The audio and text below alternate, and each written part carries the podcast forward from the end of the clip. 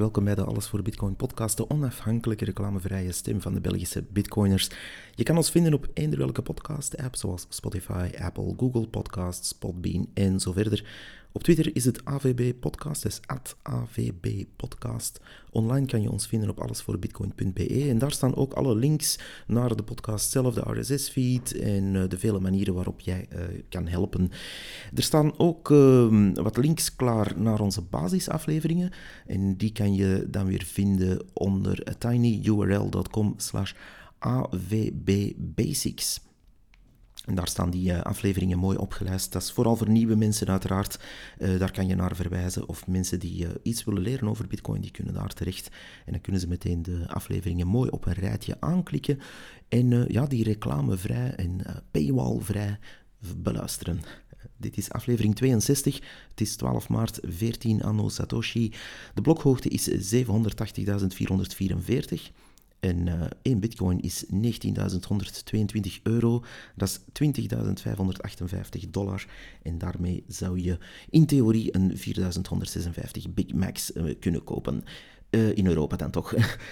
ja, wat een gekke paar dagen. Um, we gaan in snel tempo het hebben over een aantal zaken die de afgelopen dagen zijn gebeurd. En natuurlijk gaan we het ook hebben over wat jij als bitcoiner nu het beste moet doen met al deze paniek in deze markt. Wat moet u doen? Wat moet u doen? En dat is juist uh, sit back and relax. Neem er een, uh, een beetje een kommetje popcorn of zo bij. Want ja, onze waarde als bitcoiner zit natuurlijk in bitcoin, in cold storage, met onze eigen keys. En wij hangen dus niet af van een of andere rare bank shenanigans of regulatory oversight of andere zever. Daar hebben wij eigenlijk weinig of niks mee te maken. Bij ons zit dat allemaal mooi gelokt in de Bitcoin blockchain. En uh, wij hebben onze eigen keys. Dus er zitten geen middlemen en geen tussenpersoontjes mee te snoepen of rare zaken te doen. Dus sit back and relax.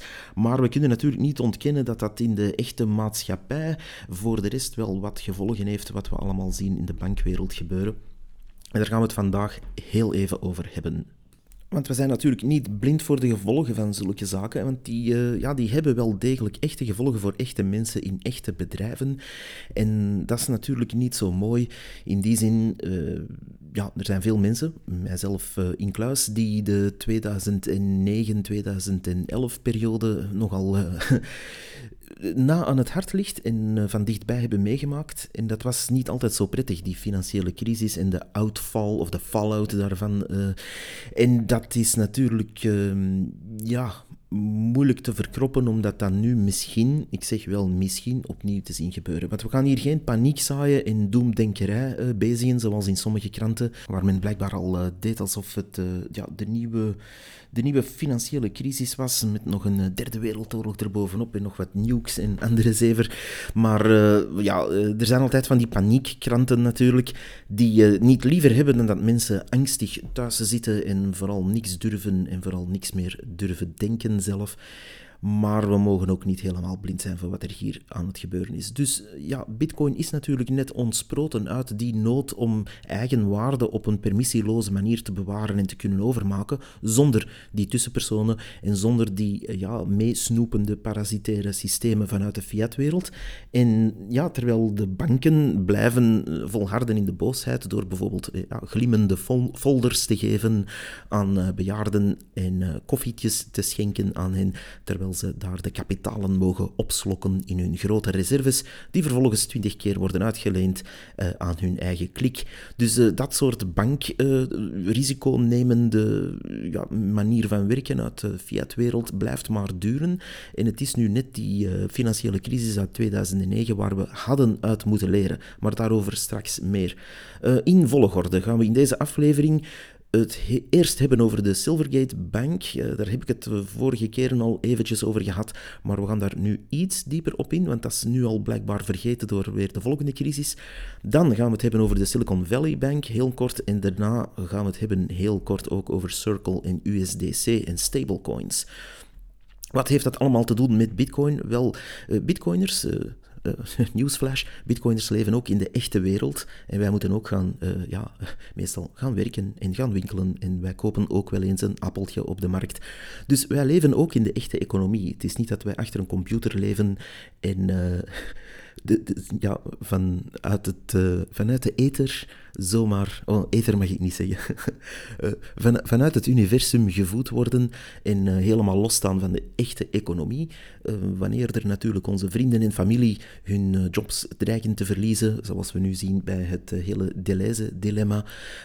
of wanneer we zien dat er in het algemeen in de tech-industrie wel wat hits worden genomen, ja, dan heeft dat allemaal repercussies op de echte economie. En daar zitten we allemaal tegen wil en dank toch wel op een of andere manier in. En ja, dat is nu eenmaal zo. En goed, we gaan beginnen met die Silvergate Capital Corp, want iedereen noemt het Silvergate Bank. Eigenlijk gaat het over Silvergate Capital Corporation. Um, die hebben uh, op hun annual report eerst een uh, verlies van om en bij de 1 miljard dollar gerapporteerd. En um, dat, uh, dat rapport werd dan uitgesteld, waarna dus een soort van paniek ontstond, een uh, bankrun. Dus de mensen in de know, die, uh, die weten natuurlijk altijd die informatie eerst en die hebben eigenlijk gezegd van kijk, we gaan, onze, we gaan onze assets daar zo snel mogelijk uithalen. Nu, hoe zijn die eerst in problemen gekomen? Uiteraard door die FTX-collapse, want ja, dat is nog steeds aan het voortdijen door heel ja, de financiële sector eigenlijk, maar zeker in de crypto-space. En daar, ja, daar hadden ze natuurlijk een hit genomen door heel veel van die uh, ja, tokens en andere rommel van die FTX te gaan uh, backen. Uh, FTX, en in mijn opinie, ik heb dat al eens een paar keer gezegd, is één grote aanval geweest die wel degelijk sinds 2018 is opgezet, net om Bitcoin een hit te laten nemen door paper Bitcoin te laten verkopen door een ja, mijn opinie, useful idiot, Sam Bankman-Fried. Maar goed, uh, dat is mijn visie. Uh, daar zijn verschillende visies over dat dat toevallig zo is gebeurd. Maar ik zie dat hele FTX-debakkelen als een aanval, als een pure aanval tegen vooral Bitcoin. Nu, los van die visie, of dat nu opgezet spel was of niet, uh, kunnen we er toch van uitgaan dat die FTX na de collapse, na de neergang, heel veel zaken heeft meegetrokken. Zoals dus ook de uh, Silvergate Capital Corporation. En wat deed die bank? Dat was eigenlijk een, uh, een gewone bank die zich gaan is beginnen toeleggen op die hele crypto space en die dus bijvoorbeeld ja, exchanges en zo verder gingen helpen en ook token issuers en zo verder.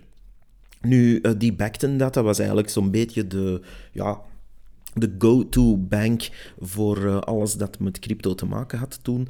En voor die FTX-collapse zijn vele exchanges ook in de problemen geraakt natuurlijk. En die hebben eigenlijk hun mensen waar, die, die meer naar de stablecoins gingen vluchten, USD UST, USDT en USDC.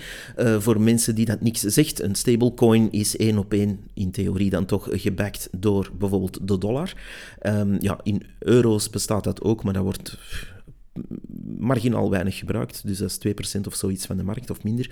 Maar ja, de meeste gaan naar die dollar vluchten. En een USDC van Circle is dus uh, een van de meest populaire, maar er zijn er andere. Nu, uh, los daarvan, voor ik het verhaal helemaal kwijtraak, uh, die altcoin-mensen en de token-casino-mensen, gemeenzaam shitcoiners genoemd, moesten natuurlijk ergens naartoe met hun FTT-tokens en andere troep die ze hadden zitten treden en uh, in huis hadden. En terwijl heel dat boeltje aan het instorten was, zijn die meestal gevlucht naar zaken als USDC, zullen we maar zeggen. Uh, ja, Tether ook natuurlijk. Maar um, we, kunnen de vraag stellen, eerst die Silvergate, die... Um,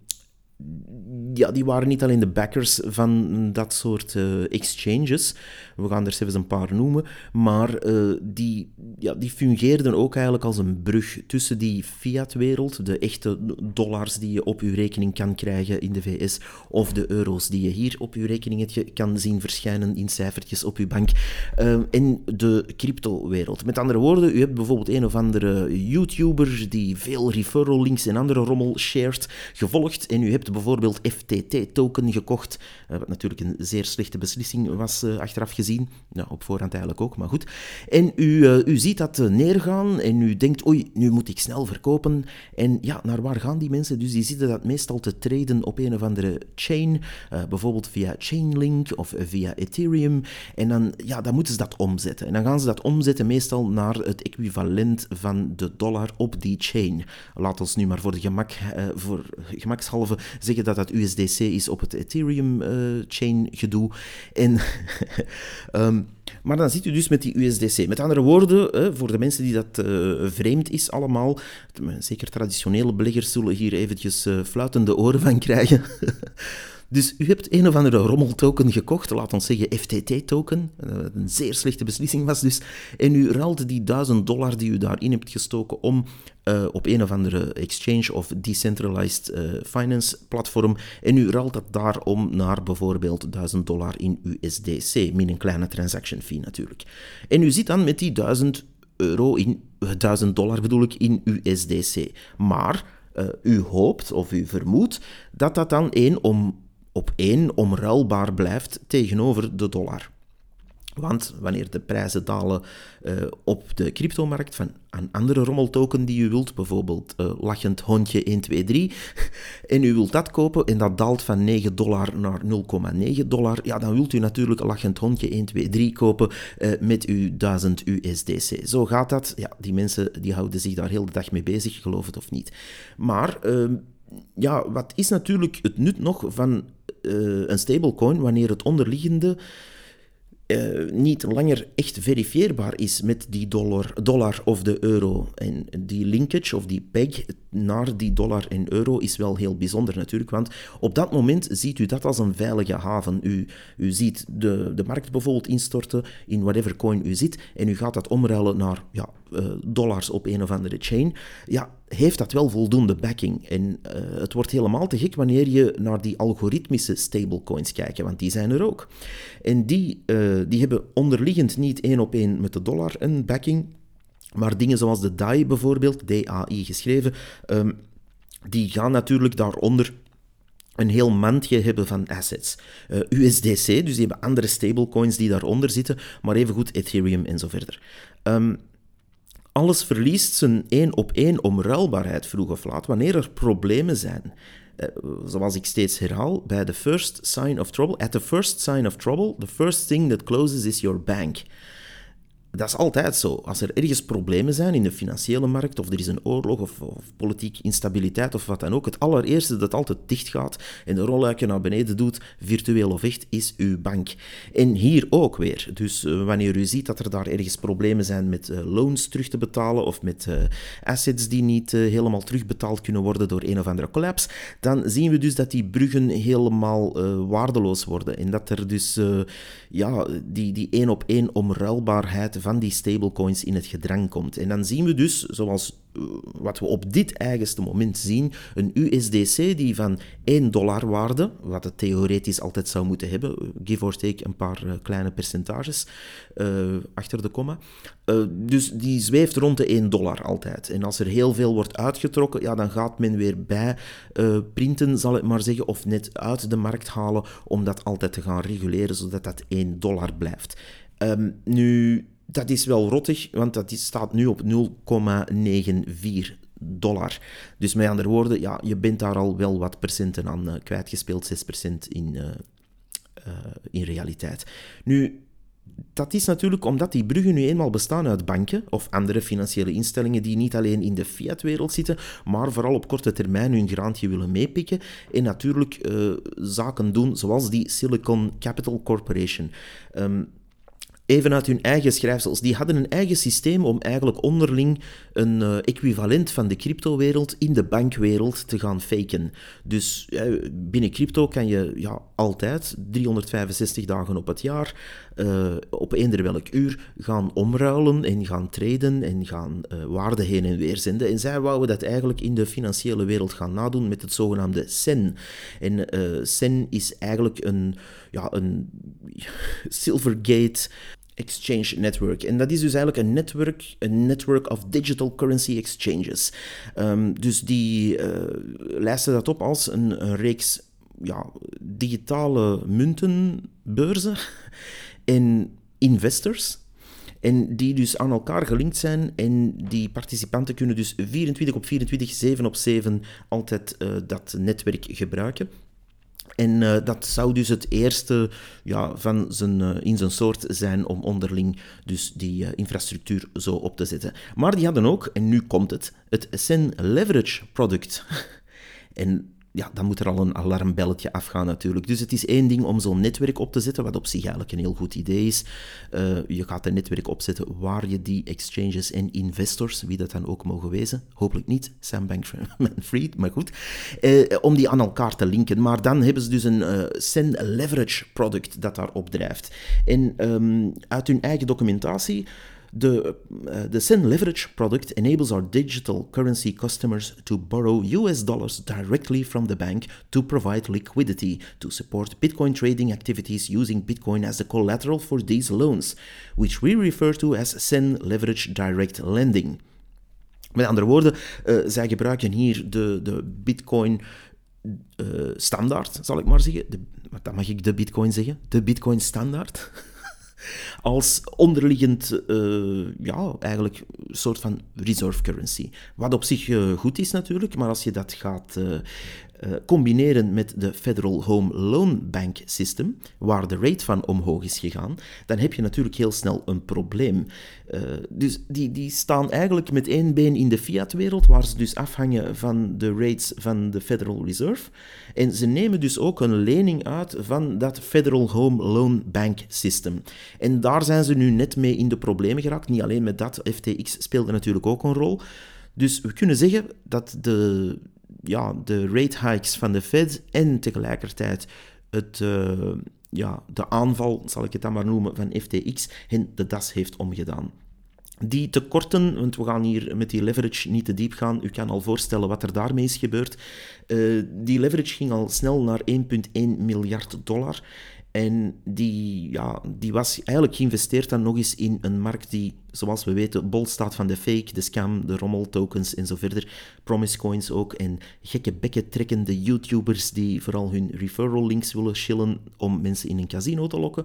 Dus um, ja, de audits en zo verder die daarop gebeurden op die bank, op die Silvergate Capital Corporation, die uh, zijn wel degelijk gebeurd en die hielden de boel strak in het oog. Want dat was natuurlijk een bank die niet alleen in het oog sprong, maar ook ja, iets nieuws probeerde te doen, namelijk die cryptomarkt te ondersteunen. En die hadden eigenlijk geen reden tot paniek, die uh, uh, regulatoren, want tot op helemaal op het einde zagen die statistiekjes, en daar houdt iedereen van, van statistiekjes natuurlijk, die zagen er eigenlijk vrij goed, vrij stevig uit. Bijvoorbeeld op de balansen eind 2022 stond er een total risk-based capital ratio of 45,5%. Eh, en waaronder heel veel uitstaande loans zelfs met 0% risk werden uh, gelabeld puikwerk. Um, en die regulatory leverage ratio was 10,7%. Nu, um, dat ziet er heel veilig uit, maar ze hebben dus moeten uh, eigen uitgezette leningen en tegoeden allemaal moeten beginnen verkopen om net de, de hogere rate van hun home loan uh, terug te gaan betalen. Met andere woorden, ze zijn beginnen uh, eigen bezittingen en eigen uh, funds, lees bitcoin, beginnen verkopen. En ja, dan nog hadden ze meer dan 1 miljard verlies, waardoor dus hun jaarverslag werd uitgesteld en zo verder. Dat... Um, nu, we zien hier ook een ander patroon, namelijk dat die exchanges die daarmee samenhingen, zoals een OKX, uh, sindsdien een soort van uh, ja, marketingtruc zijn beginnen toepassen om nog meer mensen in die crypto-space, lees de crypto-investors, uh, te gaan laten hun referral links chillen. Want dan krijg je 30.000 dollar erbovenop en kom bij ons en klik mijn referral link. Dus ze hebben daar blijkbaar ook geld nodig. OKX-coin, uh, OKX, ze hebben nog geen coin, dacht ik, maar het zal wel komen. Uh, dat is uh, een van die exchanges waar men momenteel ja, crypto casino op speelt en waar ja, heel veel loesje types in allerlei bochten zich wringen om mensen die links te laten klikken. Ik zou zeggen, blijf daar alsjeblieft zo ver mogelijk van weg. Want één, je gaat daar waarschijnlijk geen geld aan verdienen. Niet alleen omdat het uh, iets is waar je dan zeer goed je markt moet kennen, maar ten tweede, als er natuurlijk twintig YouTubers gekke bekken zitten trekken om u daarin te lokken, in die OKX, dan kan je je vragen stellen wie daar echt aan verdient. En uh, spoiler alert, het is niet u die daarop klikt die daar iets aan gaat verdienen. Integendeel, u betaalt eigenlijk het eten van dat gekke bekken trekkende YouTubertje. Wie het schoentje past, trek het aan. Ehm, maar goed, dus uh, ook even mee, uh, meegeven dat vele van die exchanges die hier met die Silvergate uh, samenhingen, ook al meerdere keren de withdrawals op USDC en USDT hebben gestopt en dan terug weer aangezet. Dus naar believen kunnen ze dat aan en afzetten. Ook even zeggen, die USDC is eigenlijk uh, eigendom van Circle. En Circle is een bedrijf dat weldra beursgenoteerd zou worden. We hebben daar weinig over gehoord wanneer dat nu precies gaat gebeuren, maar goed.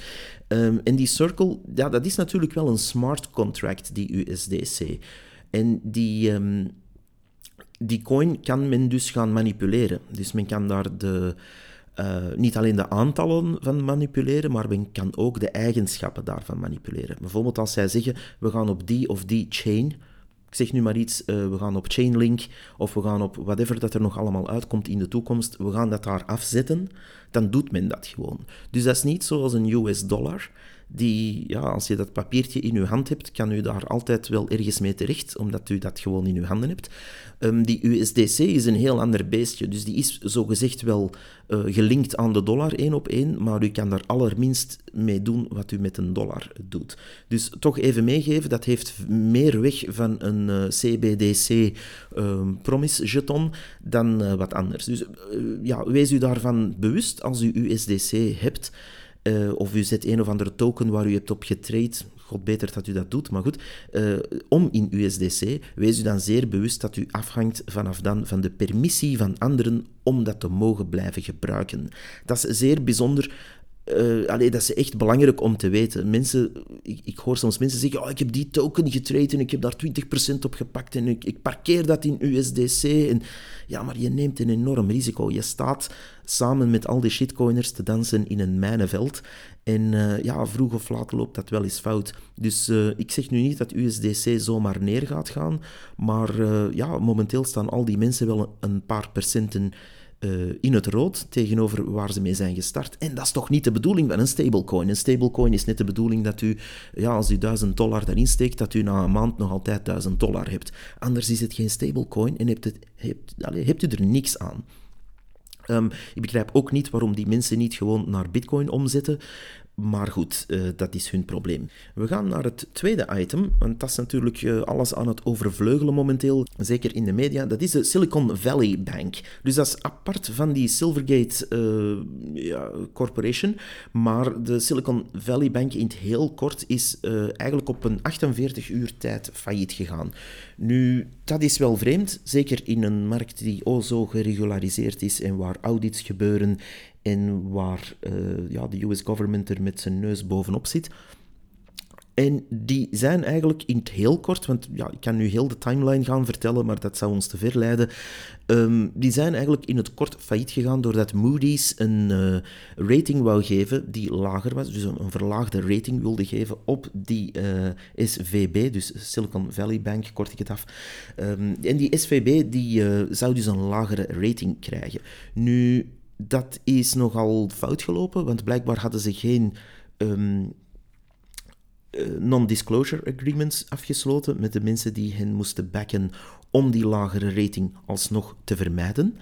En ze zijn op zoek gegaan naar backers, naar extra loans, naar extra uh, kopers die ja, desnoods tegen verlies hun, uh, hun bank wilden verder ondersteunen. Maar dat is fout gelopen. Maar niet alleen is dat fout gelopen om die backing te krijgen, maar ook is het fout gelopen omdat die informatie is gelekt. Nu, er zijn altijd mensen uh, binnen een vertrouwenscircle van die banken die net iets meer weten en net iets voor u het op tv ziet natuurlijk. En die zijn beginnen uh, ja, hun eigen hachje te redden. Want wat doet die Silicon Valley Bank, zoals de naam al doet vermoeden, die gaan binnen Silicon Valley vooral uh, start-ups funden. En dat zijn er niet uh, een paar. Dat zijn echt wel honderden start-ups, van mini-start-ups van enkele personen tot uh, ja, iets grotere dingen die eigenlijk ja, nieuwe ideeën en een beetje out-of-the-box denkende tech-oplossingen gaan in de markt proberen zetten. En niet alles van die dingen lukken natuurlijk, maar Silicon Valley Bank was er gespecialiseerd in om dat soort zaken klein en groot mee te funden. Als zoiets neergaat, heeft dat natuurlijk onmiddellijk gevolgen voor de mensen die bijvoorbeeld ja, hun uh, loon moeten krijgen die maand of nieuwe investeringen moeten gaan doen om de volgende maanden door te komen. Dus dat gaat onmiddellijk uh, op de techsector een gevolg hebben. Paradoxaal genoeg gaat dat in het voordeel zijn op korte termijn van de grote techbedrijven, in mijn opinie. Omdat dat, uh, ja natuurlijk, het zijn vooral de kleintjes, de disruptors, die hier nu keihard worden uh, gepakt door dat faillissement van SVB. En de groten, Google, Amazon, Microsoft, noem ze maar op, die gaan daar natuurlijk hun voordeel bij doen, omdat ze minder gedisrupt gaan worden. Of die kleine bedrijfjes gewoon kunnen opkopen voor een prikje, omdat ze gewoon ja, in dire straits zitten. Dus die, um, toch even duiden, die bank is niet klein. Dus Silvergate was klein bier tegenover Silicon Valley Bank. Uh, we hebben het hier op de tweede grootste uh, financiële instelling die neer zou gaan uh, sinds de financiële crisis. Het argument dat we vooral op CNN en zo horen is dat dat allemaal niet zo erg is dan toen, dan in 2009, aangezien er nu meer checks en balances zijn en beveiligingen en doorlichtingen gebeuren door de autoriteiten en dat die banken veel beter in het oog worden gehouden. Tja, en toch is het blijkbaar dan mogelijk dat zo'n bank die zo'n belangrijke rol speelt binnen de 48 uur gewoon van zeer stevig in het zadel tot uh, failliet draait uh, in, in zulke enorme korte tijd. Uh, dat geeft het vertrouwen, denk ik, toch niet echt een boost in al die checks en balances die gebeuren. Maar goed, dus die, die eigendom, allee, die bank is eigenlijk eigendom van het SVB Financial Group concern. En die hadden effecten moeten verkopen met verlies. Um, ongeveer een 2,25 miljard dollar. En die zouden eigenlijk nieuwe aandelen gaan issuen, uh, gaan uitgeven om die balans terug in orde te krijgen, net om die verlaging in ratings te vermijden. Um, dit lekte dus uit, eigenlijk, dat nieuwtje. En dat leidde dan weer tot paniek, of lichte paniek, onder ja, beleggers en vooral venture capital firma's, die snel eigenlijk um, ja, hun geld eruit begonnen trekken. En uh, die VC's die hebben dus ook hun bedrijfjes, waar ze natuurlijk graag return op zien, die start-ups uh, die ze funden. En die hebben die snel gezegd van, kijk, ga bij SVB zo snel mogelijk weg. En dat veroorzaakte dan natuurlijk een soort bankrun.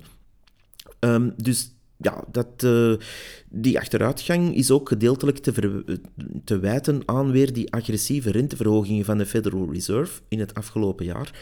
En uh, ja, dat, um, dat, dat is toch wel een raar verhaal. Uh, de timing is ook raar. Bijvoorbeeld de CEO, Greg Becker, die net twee dagen ervoor, voor dit allemaal losbarstte, zelf 2 miljoen dollar uit die bank wegtrok uh, voor die uh, problemen echt uh, wide open begonnen te gaan. Dus dat is een, een, een zeer vreemde zaak aan het worden. En we moeten toch ook wel even inzien dat hier de banken opnieuw falen. In die zin,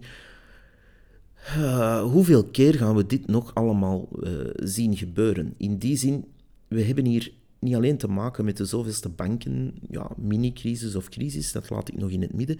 Maar we hebben hier vooral te maken met toch wel een, ja, een, een vitaal onderdeel van uw economie, namelijk de, de, de start-ups en de, de technical, technical innovation en noem maar op, eh, research and development, noem maar op. En misschien, misschien moeten we daar ook weer al lessen uit trekken, dat wanneer er zo'n bankiers dit soort zaken uh, doen, dat er daar misschien ook wel eens stevige reactie op moet komen. Maar tot, nu toe zien we dat niet gebeuren. Een klein beetje extra info hierover. Dus dat wil ik even verklaren. Dus SVB die hadden eigenlijk een plan uitgewerkt, terwijl dus hun eigen CEO uh, daar 2 miljoen dollar uh, aan assets verkoopt, maar goed, of, of, aandelen verkoopt, sorry. En die, die hadden dus een plan uitgewerkt om dus hun eigen ja, totale value van hun holdings te gaan omhoog boosten op een zeer snelle manier.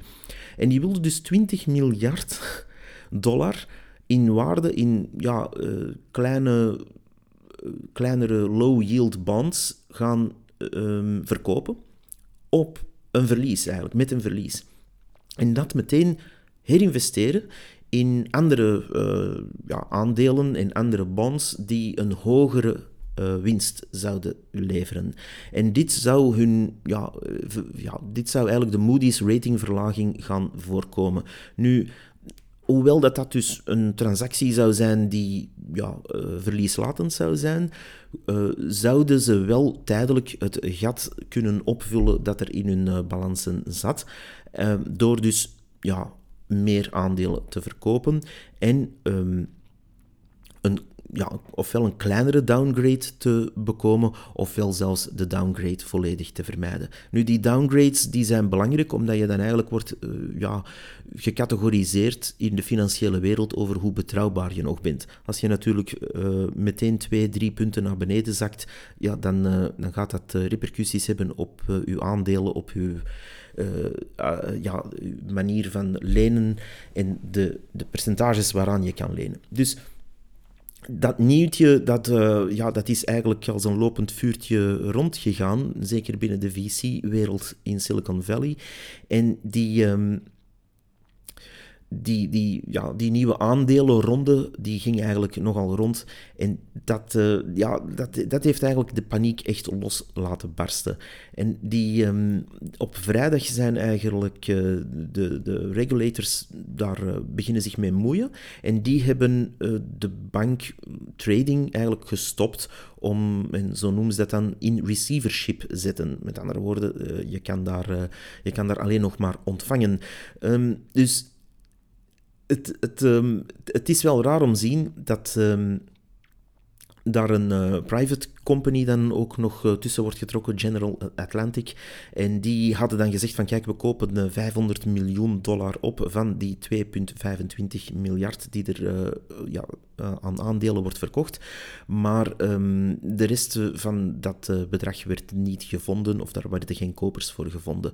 Um, dus die hebben dan 1,8 miljard aan verlies geboekt. waarna Moody's ja, die downgrade natuurlijk toch doorvoerde. En uh, ja, de rest natuurlijk, het nieuws verspreidde zich en dan de rest is uh, history, zoals ze zeggen, want uh, hun aandeel kelderde ook. Waarna natuurlijk die hele stoksale in, in, het water viel. Dus ook General Atlantic, die wandelden op een duur weg van ja, kijk, we moeten hier ook niks meer van. En de regulators in Californië, die hebben dan uiteindelijk ja, gezegd van kijk, dit, dit kan niet meer, we gaan de zaak, zaak moeten sluiten eigenlijk. Um, nu, wat heel raar is, in het verleden hebben ze zulke banken die in gelijkaardige problemen kwamen wel een bail-out gegeven op een of andere manier. Maar hier is er toch iets raars aan de hand. Namelijk, uh, men heeft hier geen backing gevonden. Uh, men heeft hier ook eigenlijk niet genoeg moeite gedaan. Maar ook, men zag dit eigenlijk al langer op voorhand uh, aankomen. Terwijl dat er ja, onvoldoende diversificatie was binnen hun eigen manier van werken. Dus men heeft daar uh, bepaalde zaken ja, niet voldoende afgecheckt en die regulatoren hebben daar ook dat laten passeren of niet gezien of wat het dan ook mogen wezen. Maar er is hier iets ja, toch wel vreemd aan de hand. Een, een bank die van een goede rating opeens gaat 48 eh, uur later naar failliet. Dat is toch wel uh, zeer uitzonderlijk, zeer vreemd. Zeker wanneer het een bank betreft in zo'n bijzondere sector als deze, waar er uh, ja, toch een hele techsector aan hangt. Um, de fallout hiervan is natuurlijk niet te voorspellen, daar ga ik me niet aan wagen. Het kan zijn dat dat overwaait, het kan zijn dat dat uh, de rest contamineert. Uh, dat durf ik niet zeggen, dat laat ik over aan de zeer slimme uh, beursanalisten en financiële analisten in de bankwereld. Wat wel zeker is, is dat dit nog maar eens voor de zoveelste keren bewijst dat heel die um, crypto-casino-markt en die exchanges en noem maar op, die met één been in de fiat-wereld staan en één been in de crypto-wereld staan, dat daar toch echt wel wat schort. En dan spreken we over die Silvergate Corporation. Maar bij SVB uh, zien we ook weer dat dat weer samenhangt met de techsector. Circle zit daar ook weer tussen. Uh, er zitten een heleboel cryptobedrijven, rechtstreeks of onrechtstreeks ook tussen. Dus het is een beetje, ik zeg niet hetzelfde verhaal, het is een andere grootorde natuurlijk, maar het is toch wel, het gaat ook weer over de techsector, het gaat ook weer over innovativiteit. En ik kan me niet van de indruk ontdoen dat er hier al een ja, een dik jaar een soort van, ik durf niet zeggen aanval, maar toch een, een nonchalance naar de techsector en zeker naar de fintech-sector bezig is, waar men uh, ja, het niet zo nauw neemt met uh, ja, de checks die daarop gebeuren. En een faillissementje, een faillissementje hier en daar uh, kan blijkbaar geen kwaad meer. Dus die nonchalance en die, ja, laat ons zeggen, een beetje wegkijken misschien zit daar wel een plan achter, of misschien geef ik ze hier te veel credit, uh, dat ze misschien niet zo slim zijn om zoiets te plannen. maar er is wel een... Uh, ja, bitcoiners zijn er nogal gevoelig aan natuurlijk. Die, die aanval tegenover alles dat met ja, echte waarde te maken heeft naar bitcoin toe, daar zit toch wel wat. Dus de conclusie, de conclusie die we hieruit kunnen trekken als bitcoiner is burn the ships en burn the bridges. Namelijk, als men dan toch wil dat alles gereguleerd wordt en dat alles één op één juist is, laat ons dan met rust als bitcoiner. In die zin, uh, wij zitten op onze kies, bij wijze van spreken. Uh, sit back and relax. En wij kijken naar de bankwereld en naar de fiatwereld in het algemeen. En daar zien we steeds dezelfde modderpoel uh, herhaald worden. Ja, er zullen wel een paar dingen veranderd zijn tegenover 2009. Ik wil daar niet te kort door de bocht zeggen dat er niks is veranderd. Maar in de core, in de kern van de zaak, van wat ze daar doen, is er toch weinig, laat ons zeggen, echt, echt veranderd. Ik heb bijvoorbeeld nog steeds niet gezien dat er hier in Europa, op IJsland na, want dat is dan een uitzondering, maar uh, dat er op dat land na, in Europa en de VS, geen bankiers de cel zijn ingevlogen voor hun aandeel in een financiële crisis. Um, tenzij diegene waar ze echt, echt staalharde fraude hebben kunnen bewijzen. Maar de, in het algemeen ja, wat, hebben we aan stablecoins? Wat hebben we aan een CBDC? Wat hebben we aan een bank? Wanneer dat telkens opnieuw faalt. Wanneer er problemen zijn in de maatschappij of wanneer er ergens uh, rare zaken gebeuren, heb je steeds uh, het effect dat je in de kou blijft staan en dat je, zoals dat beroem, die beroemde foto van die Griekse man die er tijdens de Cypruscrisis... Uh, uh, in, in, de Griekse crisis uh, bedoel ik, uh, voor zijn gesloten bank zat te wenen omdat hij niet meer aan zijn pensioengeld kon en zo. Dat, daar zitten we nog steeds. wanneer er hier iets zou foutlopen, en ik neem nu België als voorbeeld, stel je voor, morgen gebeurt er hier een grote politieke aardverschuiving en gaan er bijvoorbeeld twee grote banken tegelijkertijd in de problemen komen, ja, die maandag moet u niet proberen naar uw lokale Fortis, KBC, Dexia of whatever kantoor te gaan om uh, nog 10.000 eh, euro af te proberen halen van uw spaargeld. Want ja, het zal dicht zijn. Of u zal niemand te pakken krijgen en u zal zeker uw geld niet te pakken krijgen.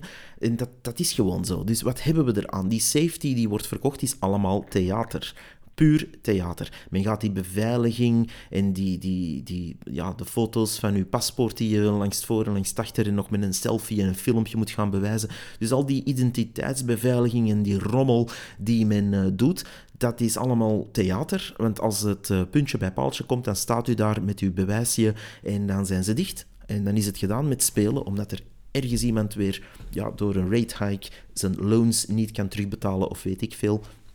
Het is altijd hetzelfde liedje. Men gokt ergens verkeerd. Men krijgt het geld niet terug waar men had verwacht het terug te krijgen.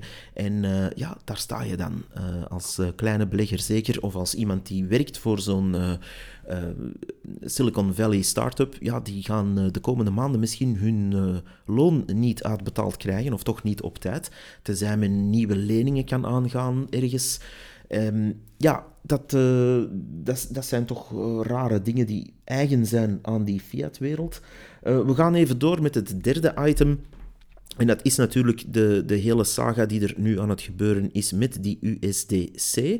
Waar Circle dus zelf, dus het bedrijf achter die USDC zelf zegt van kijk, we, we hebben ongeveer een 55 miljard dollar in USDC in omloop. En een, een 8% daarvan zit ja, uh, min of meer bij Silicon Valley Bank of heeft daar effect op. Het is onduidelijk of dat daar nu uh, staat of dat dat daar een deel van die assets waren. Dat, dat laat ik even in het midden.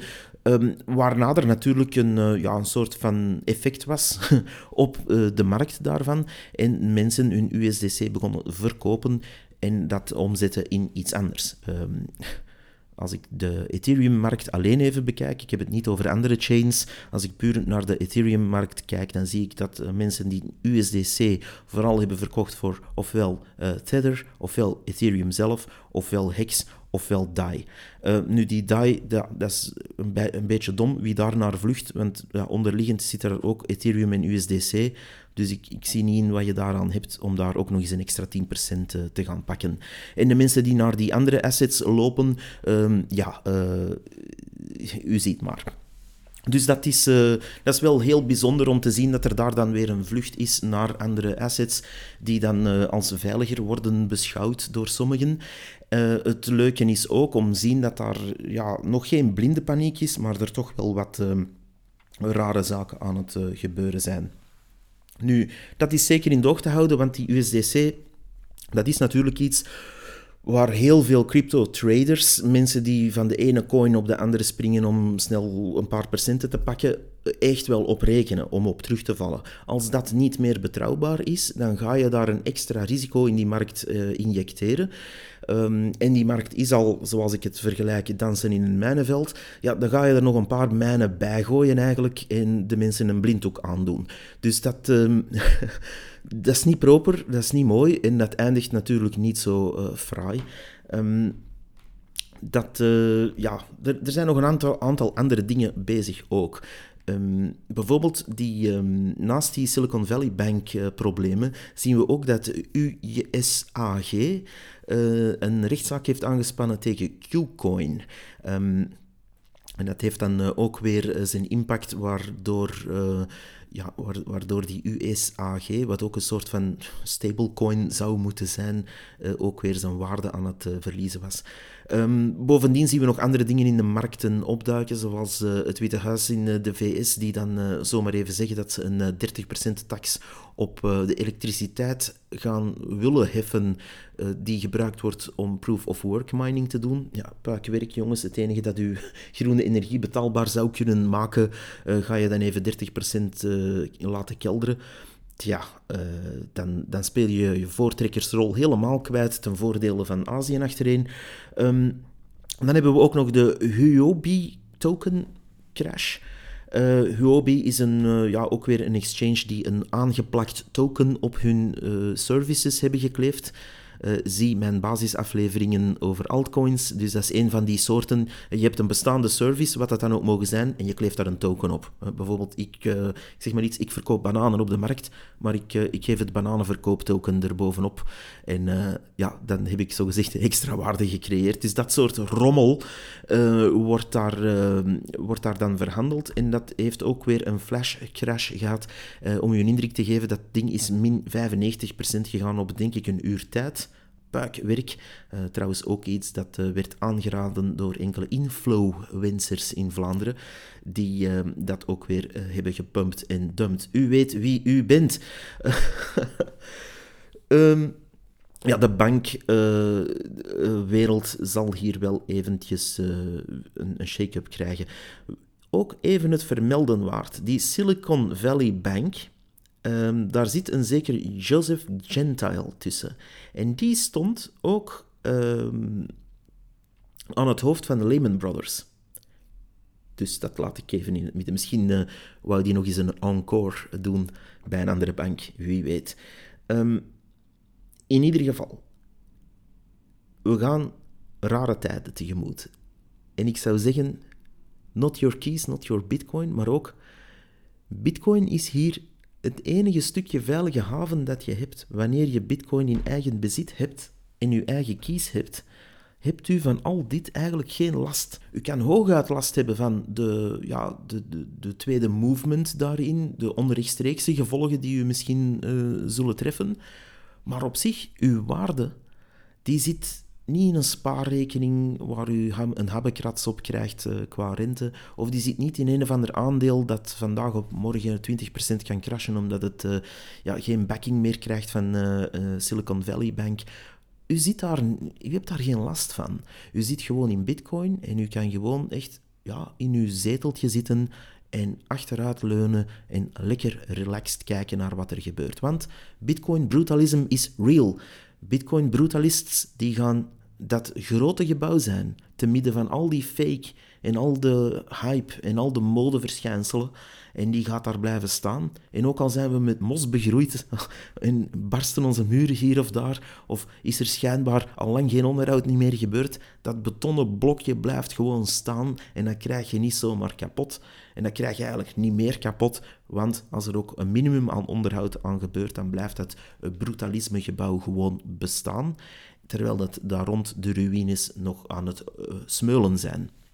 Ik wil daarmee zeggen, wees niet in paniek over, of sla niet in paniek over wat u allemaal in de kranten leest, over eh, wat er nu in de financiële markten gebeurt. Want als we één ding wel hebben geleerd, en dat is het grote verschil tegenover 2009, is dat we nu een safe haven hebben. We hebben een shining city on the top of the hill. We hebben dat uh, baken waar we naartoe kunnen en dat is Bitcoin. En dat kan misschien allemaal wat uh, ja, secteachtig klinken van oh, onze grote god is er, maar Bitcoin is een force is gewoon hetgeen waar wij naartoe kunnen met onze veiligheid. En als de dollar valt of de euro valt of er 20 banken failliet gaan, Bitcoin blijft daar staan, Bitcoin blijft bestaan en Bitcoin heeft op zich geen bruggen nodig naar al die middelmen. Dat is handig, want als je natuurlijk Bitcoin af en toe eens kunt omzetten in iets in de fiatwereld om daar iets te kopen of mee te doen, dat zou kei tof zijn, maar dat hoeft op zich niet. Want Services en goods kunnen omgeruild worden voor Bitcoin Direct, omdat we nog altijd mensen zijn onderling die door consensus nog altijd onderling kunnen afspreken van kijk, ik ruil om voor, zeg maar iets, een zeeschelpje ruil ik om tegen een koekje. Dat is uw keuze en dan is dat zeeschelpje uw waarde. En zo kan je eender wat nemen. En momenteel wordt die euro bij ons echt opgedrongen als zijnde de referentie. Logisch, ik gebruik dat ook elke dag, uiteraard. Maar die tijden kunnen veranderen, want we zien dat de fiatwereld blijft shaken en blijft bibberen op hun grondvesten. En dat komt allemaal neer op twee dingen: schuld en oorlog. En dat zien we hier aan de lijve gebeuren. We zien de conflicten om ons heen, de oorlogen, zowel in Afrika als in het oosten, zien we oorlogen gebeuren met desastreuze gevolgen. En het is hier niet zo ver af. En toch ja, we zien dat zo precies, of dat, heel ver weg is. We zien daar raketten vliegen en noem het maar op. Dat is allemaal onze zaak niet, want morgen staan we op en gaan onze cappuccino uh, halen bij de Starbucks en gaan we lekker naar het werk met de trein of uh, met de auto en dan parkeren we daar in de ondergrondse parking en dan gaan we lekker achter ons computertje zitten, bij wijze van spreken. Dus wij hebben er allemaal geen last van, zo gezegd. Onze wereld draait lekker op die euro, die dan ook weer op schuld gebaseerd is. Schuld, schuld en nog eens schuld. En het bijprinten van eurotjes en fiat. En onze aandelen zijn daar ook in gemeten. En zo verder en zo verder. Dus die fiat-wereld is één groot theater. En dat zien we nu ook bijvoorbeeld bij bepaalde supermarktketens, waar mensen zich uit de naad moeten werken voor een habbekrats en die dan nog worden uitverkocht, ook na tien jaar, die ook niet durven spreken wanneer je in je bedrijf het ziet foutlopen naar de klanten toe. Spreek, zeg iets voor het te laat is, voor je daar ook met een of ander gekleurd jasje eh, moet gaan voor de deur staan staken om zogezegd te gaan huilen van oh, wat is er toch met ons gebeurd? Nee, u had eerder iets moeten zeggen. U had eerder iets moeten doen. U had eerder moeten um, uw stem laten horen. Want vroeg of laat zijn we allemaal die klant die het rot fruit koopt. En vroeg of laat hebben we allemaal gevolgen van die fiatwereld die ons absoluut pakt met schuld en oorlog. En dat komt in vele vormen. Bitcoin daarentegen staat daar falikant tegenover als zijn de waarden die u zelf echt hebt. Met andere woorden, als u nu wil gebruik maken, en daar sluit ik mee af, van de, de dalende trend in de aandelen die er waarschijnlijk zal komen, de komende maandag, de 13e maart, dan uh, gaat u daar uh, misschien iets positiefs mee kunnen doen. Als u lange termijn denkt of u hebt kinderen, ja, pik er een paar goede aandelen uit die 20 jaar voort kunnen. Ik ga geen namen noemen, want ik ben geen beursexpert, maar u kent ze wel. Dus de bekende, de goede firma's die altijd blijven draaien. En ja, zet daar eens wat geld op. En dan zit u lange termijn te denken. En tegelijkertijd zet u hetzelfde bedrag in bitcoin. En dan leert u de kinderen, kijk eens, waarde zit daar. En dat is een heel belangrijke les. Dat is een belangrijkere les dan naar het nieuws kijken en zeggen van oeh, het is toch allemaal erg hè, wat er gebeurt. Daar hebt u niks aan. Doe zelf iets, proof of work. Zie dat u skills hebt. Zie dat u waarde zelf in handen hebt en behoud en eigen kies hebt. En zie ook dat u lange termijn denkt. En dat zijn drie dingen die ik hier wil meegeven, want het zal nodig zijn. De komende weken en maanden gaan we meer ontslagen zien. En in mijn opinie gaan we een paar grote gevolgen zien, ook hier in Europa. Is dat doemdenken of niet, dat laat ik in het midden. Dat is wat ik denk dat er gaat gebeuren. En Bitcoin is uw enige echte redding momenteel. Met op de tweede plaats heel misschien goud en op de derde plaats heel misschien uh, aandelen, goede aandelen op lange termijn gekocht. En dat is eigenlijk hetgeen uh, waar u rekening mee moet houden. En vergeet trouwens vastgoed, want die klap komt ook nog, maar daar ga ik een aparte aflevering ooit over doen. Uh, de mensen die daar nog in geloven zijn echt wel delusional, maar goed, uh, dat is een heel ander onderwerp. In ieder geval, hier sluit ik af. We hebben het gehad over die Silvergate, we hebben het gehad over SVB-banking, we hebben het gehad over USDC. We kunnen hier nog uren en uren alles zitten uitvlooien daarover, dat gaan we niet doen, want het is nu al bijna 50 minuten, zie ik. Um, in ieder geval, we gaan ook meer basisafleveringen maken. Uh, dat wordt ingesproken soms door mij en soms door iemand anders. Uh, met dikke dank u trouwens aan uh, Petra. En uh, we gaan daar verder mee doorgaan om mensen gratis te informeren, zonder reclame, zonder lidgeld, zonder paywall en zonder uh, referral links naar uh, OKX-rommel. dit was hem voor vandaag. Ik hoop dat jullie veilig blijven. Ik hoop dat jullie bitcoin stakken en ik hoop vooral dat waarde waarde blijft. Bye bye.